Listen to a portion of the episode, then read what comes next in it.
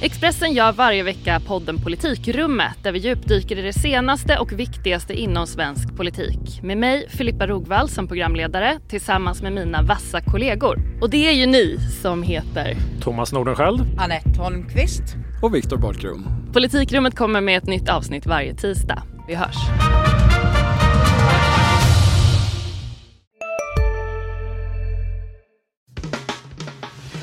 Analyspodden från Dagens Industri. Hej allihop och välkommen till veckans avsnitt av Dagens Industris analyspodd där eh, medlemmarna i analysredaktionen eh, poddar. Idag är det jag, Ulf Pettersson och Torbjörn Isaksson som eh, ska hålla i det här och vi har mycket att prata om. Eller hur Torbjörn? Ja då, det tror jag nog vi har.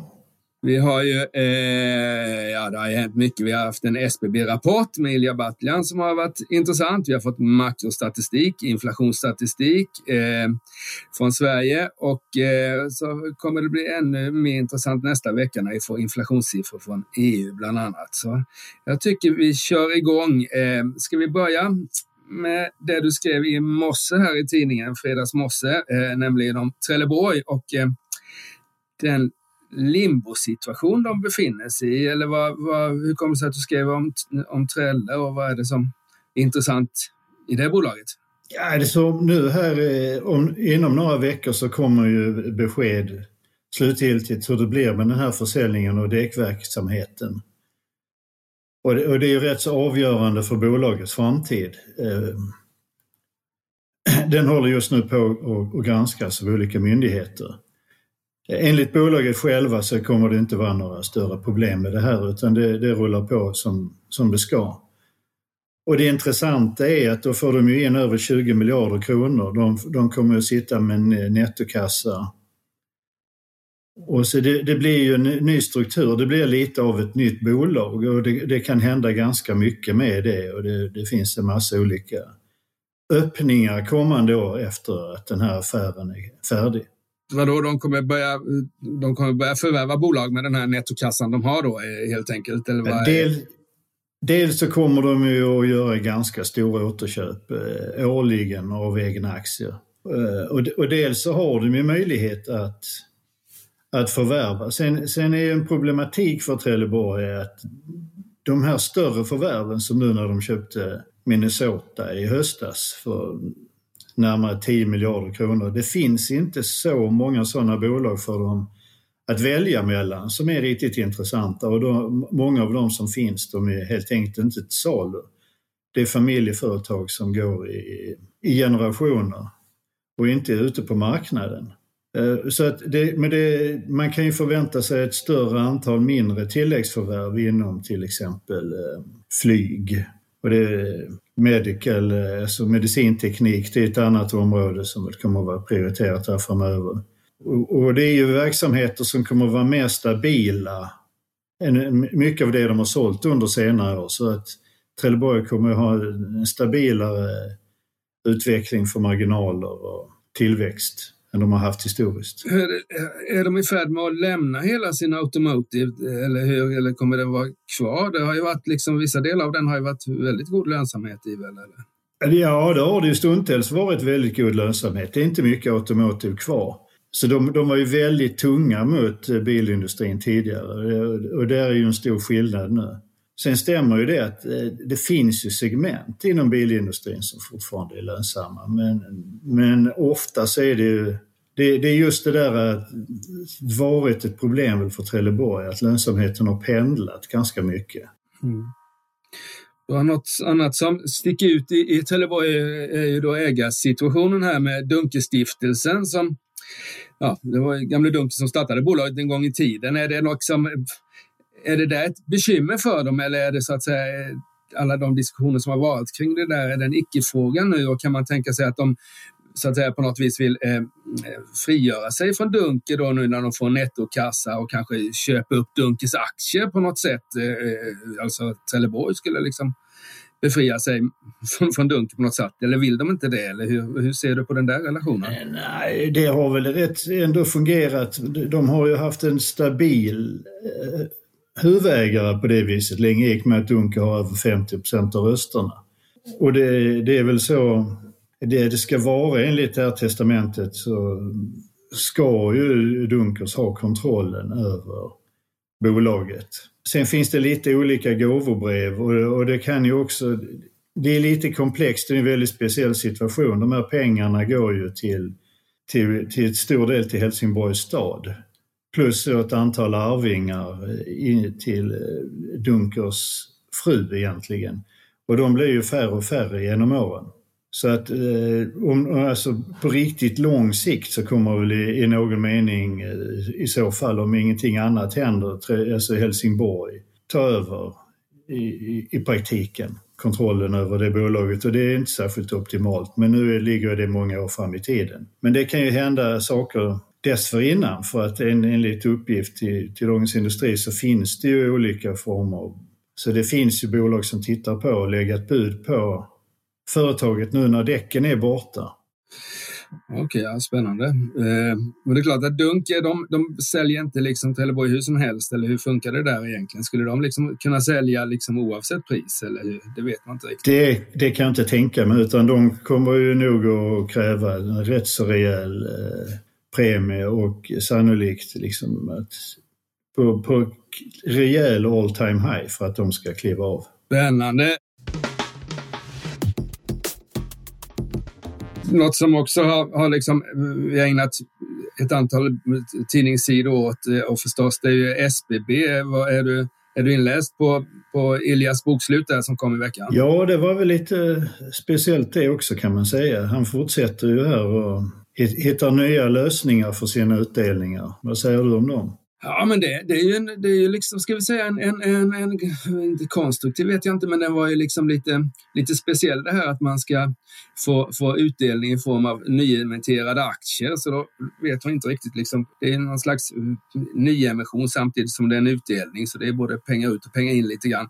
Eh, jag tycker att jag tycker det känns, det känns som att Ilja ändå har liksom ett krismedvetande. Alla dessa, alltså ny, ska vi säga, eh, eh, eh utdelningen då av Neobo, sen så den här föreslagna eh, börsnoteringen av Svea Fastigheter. Eh, ja, han, sitter ju inte, han sitter inte still i alla fall, utan han, han, har liksom, han, han, har, han har förstått att det är en ny verklighet som råder där ute och han försöker liksom laga efter läge kan man väl säga, eh, Ilja. Och jag hoppas det går bra, det får vi väl se då. Men eh, det är ju en stor scenförändring från vad är det, ett par år sedan nu när han skulle ha ett fastighetsbolag som hade fastighetsvärden på, vad var det, 200-300 miljarder kronor och det är bra att han inte liksom håller fast vid det utan att det handlar om att säkra finanserna istället. Och jag tycker det där målet han satte upp att bli så väldigt stor i, i ägda fastigheter var fel från början utan man, det är ju ingen konst, bara du har pengar så är det ingen konst att köpa så mycket fastigheter men det gäller ju att handla till rätt pris och det blir ett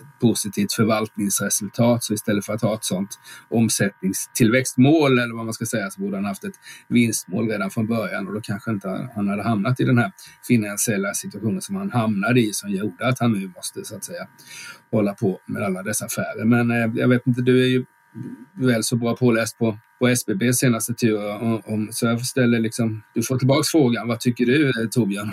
Han, han har ju försatt sig i ett väldigt knivigt läge genom den här enorma expansionen. Men man får ju säga att han, han är nog den mest eh, innovativ och aktiv eh, av de här fastighetskungarna för att försöka lösa det som har hänt. Han, han sitter ju inte, han sitter ju verkligen inte stilla. Sen vet man ju inte hur lyckade de, den här senaste avknoppningen det kan man väl diskutera. Det har ju inte direkt varit någon succé. Det, ju, det måste ju vara rekordrabatt i den aktien. Så de skickar iväg ett bestånd där som i princip ingen är intresserad av överhuvudtaget. Nej, och för det är klart att eh, nej, det krävs ju en, en, en, annan fastighetsmarknad för att den här substansrabatten, vad är den, 80 procent på 75 procent eller något sånt där på Neobo som, för att den ska komma ner då. Men det är klart, och sen så är det ett nytt bolag, folk vet liksom inte, har inte riktigt lärt känna den och, och, och den, den så att säga eh, komplicerade struktur som har funnits runt SBB, SBB under lång tid har väl också gjort att rabatten blev väldigt, väldigt hög. Jo, men ha ett sånt spritt bestånd, det är ett bolag som saknar existensberättigande egentligen. Ja, men någon borde väl ta upp det. Om det är en sån otrolig substansrabatt så borde man väl ta upp det och, och likvidera det helt enkelt, att sälja ut fastighet för fastighet. Ja, det är väl den rimligaste lösningen för det, det, finns väl ingen anledning att låta det bolaget finnas kvar egentligen. Utan det, det, det borde ju må bättre av att bli uppköpt och hamna i en rimligare struktur. Ja, Spännande. Eh, något annat då i veckan som du tycker vi ska, ska avhandla? Ja, idag kom ju, kom ju ett par rapporter till exempel. Ja, ehm, det gjorde det. E- Elekta, ehm, stålknivstillverkaren, medicinteknikbolaget Elekta kom och jag eh, haft dem, eh, jag har följt dem ett tag. Eh, skrev både inför rapporten och har hunnit med att skriva en, en kort en kort artikel också efter den här eh, nio månadsrapporten som det handlar om för dem. Det är ju ett bolag som har eh, brutit Hej, Ulf Kristersson här. På många sätt är det en mörk tid vi lever i. Men nu tar vi ett stort steg för att göra Sverige till en tryggare och säkrare plats. Sverige är nu medlem i Nato. En för alla, alla för en. Vi är specialister på det vi gör, precis som du. Därför försäkrar vi på Swedea bara småföretag, som ditt. För oss är små företag alltid större än stora och vår företagsförsäkring anpassar sig helt efter firmans förutsättningar. Gå in på swedea.se företag och jämför själv. Brutet räkenskapsår. Och det här var faktiskt ett, ett rejält fall framåt. Alltså eh, Elekta har haft bekymmer med en rörelsemarginal som går i helt fel riktning, ett svagt kassaflöde och dessutom har de haft en negativ orderingång här ett antal kvartal och inte, inte riktigt liksom Orderstocken är jättehögt, men det har liksom sett värre och värre ut ju längre ner i resultaträkningen man kommer. Men den här rapporten var bra. Det var ett eh, styrkebesked. Aktien var upp nästan 10 procent, vilket jag tycker, vilket jag förstår, för den vinstökningen var rejäl. Alltså det där är ju ett bolag Elekta är väl det bolaget bland storbolagen som förväntas öka vinsten mest kommande, kommande 12 månader. Man förväntar sig en vinstökning på 50 procent eh, ungefär kommande året. Och, då, och det, det förutsätter ju då att man kan omvandla den här orderstocken som är tre års omsättningar till en acceptabel vinst. Då, för nu är de nere på en rörelsemarginal på under 10 procent och de har alltså ett mål att öka den där upp mot 15 på några års sikt. Och det är klart, gör man det så får man ju 50 procents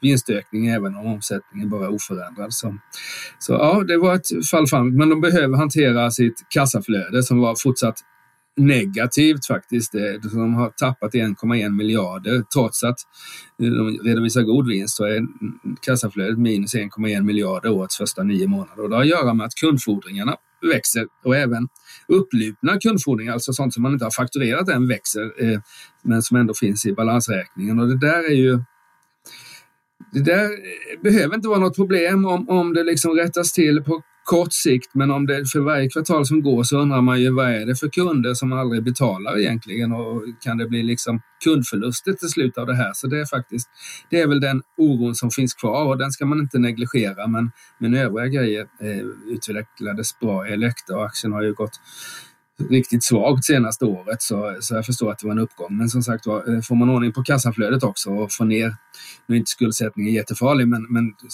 skulle man liksom få ner den också så kan den nog fortsätta upp lite grann med tanke på den vinsttillväxt som marknaden förväntar sig. Det har ju varit bekymmer. Eh, de gör ju då stålknivar för cancervård och den var ju väldigt, väldigt eh, begränsad under, under pandemin här så det finns liksom sjukhusen behöver liksom komma ifatt sin cancervård och då behöver de Elektas produkter. Men eh, ja, vi får se. Men som sagt håll utkik på kassaflödet. Börjar det också vända till rätt riktning så kan aktien mycket väl fortsätta upp även efter fredagens eh, uppgång här. Eh, annars så har det ju varit, eh, det har ju varit eh, mycket, mycket rapporter. Eh, det var ju liksom eh, både ras gas och rally här med storskogen som rusade och så har vi haft en del som har varit riktigt nere i källaren också. Så det har varit ännu en, en händelserik vecka. Ja, vi har ju SAS som kom här på, på, på morgonen också. Mm, vad, vad, har du hunnit titta på den eller? Ja, det går, det går ju väldigt dåligt för dem. De gör ju fortsatt stora förluster det känns ju som att de, de ligger ganska långt efter framförallt många av lågprisbolagen, Norwegian och Ryanair och de är ju mycket starka. Och, och nu för, och de har ju tvingats skjuta fram eh, den här nyemissionen som, som är avgörande för dem, som de skulle sätta igång i januari, den har ju, har ju flyttats fram i ett par månader. De, de, de försöker väl hitta några slags eh, karameller att kasta ut för att eh, kunna locka investerare, men det, jag tycker det ser väldigt trögt ut för dem. Det, det, var ju synd på alla sätt att de hamnade i den här Chapter 11 nu när liksom marknaden ändå vände uppåt här också. Det är klart att det blir ju ett fantastiskt fokus på att vara i USA och, och liksom i, i massvis av förhandlingar där med massvis av rådgivare som kostar multum så fort du liksom svarar i telefon eller går in i ett konferensrum. Så det är ju det är klart att det är ju inte en optimal verklighet att bedriva business i. Då tappar man ju mot konkurrenterna som, som så att säga kan, kan, eh, kan, kan möta den efterfrågan som, som finns då på flygandet. De, de ligger ju efter i delar av den här planen eh, också att få, få, få ihop alla de här lösningarna. Även om en del av dem har, har blivit klara så är det jättemycket kvar att göra för SAS. Och det, aktien är ju det har de ju själva varit ute för och varnat för nu i ett par, i ett par omgångar. Att det är ju tveksamt om det finns något värde överhuvudtaget i den. Det kommer ju bli en sån enorm utspädning. Ja, ja, det tror jag alltså att köpa stamaktierna där. Det, det, det brukar ju aldrig bli bra liksom. Det är ju vilken, vilken är det som sitter på liksom makten och det är ju det är ju de med, med obligationer och, och, och, framtida långivare. Det är klart att i det läget är ju gamla aktieägare längst bak i, i liksom kön till, till, eh, till eh, lunchrestaurangen. Så det, ja, det, det, jag håller med dig där Torbjörn. Bra! Eh, innan vi tittar lite i nästa vecka då också, som inte är riktigt på förhand i alla fall lika eh, händelserik som denna veckan, men väl så intressant ändå, så brukar vi numera ha ett aktiecase här och i veckan så hade vi ju eh, vår kollega Mikael Olsson skrev om Tobai. Eh, Eh, det här teknikbolaget som håller på med eh, gör VR, eh, VR-produkter, alltså sådana ögon, ögon, eh, ögonprodukter till bland annat Sony som han rekommenderade och såg, såg eh, eh, ja, på lång sikt kan det till och med mångdubblas tyckte, tyckte Micke och det är ju ohyggligt intressant. Men även på kort sikt kan den gå upp 35 procent om man så att säga eh, får in en lite år. Det här finns ju det som kan trigga aktien eh, på kort sikt här, det är om de skulle lyckas få någon, någon order från eh, bilindustrin där, där eh, det finns ju smarta i Sverige som redan är inne där en del då med sina så att säga, eh,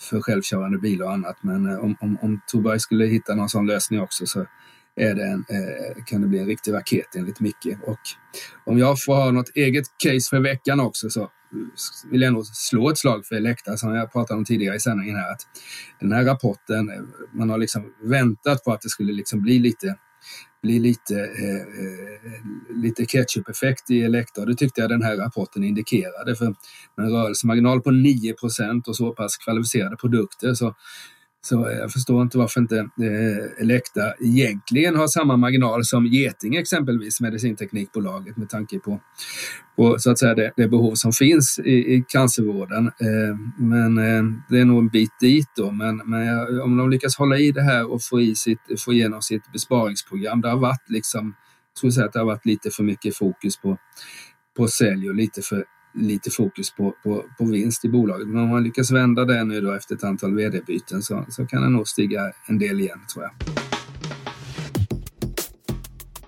Och eh, nästa vecka då, vad ska du hitta på då? Då är det ju sportlov för en del, men det, du är ingen som åker skidor så mycket Torbjörn? Eh, nej, det kan jag väl inte påstå att jag gör. Det är inte, det är inte så att Mal, Mal, Malmö är med i skid-VM som pågår här. Men, Nej, eh, vi är för starkare i andra grenar. ja, det är vi.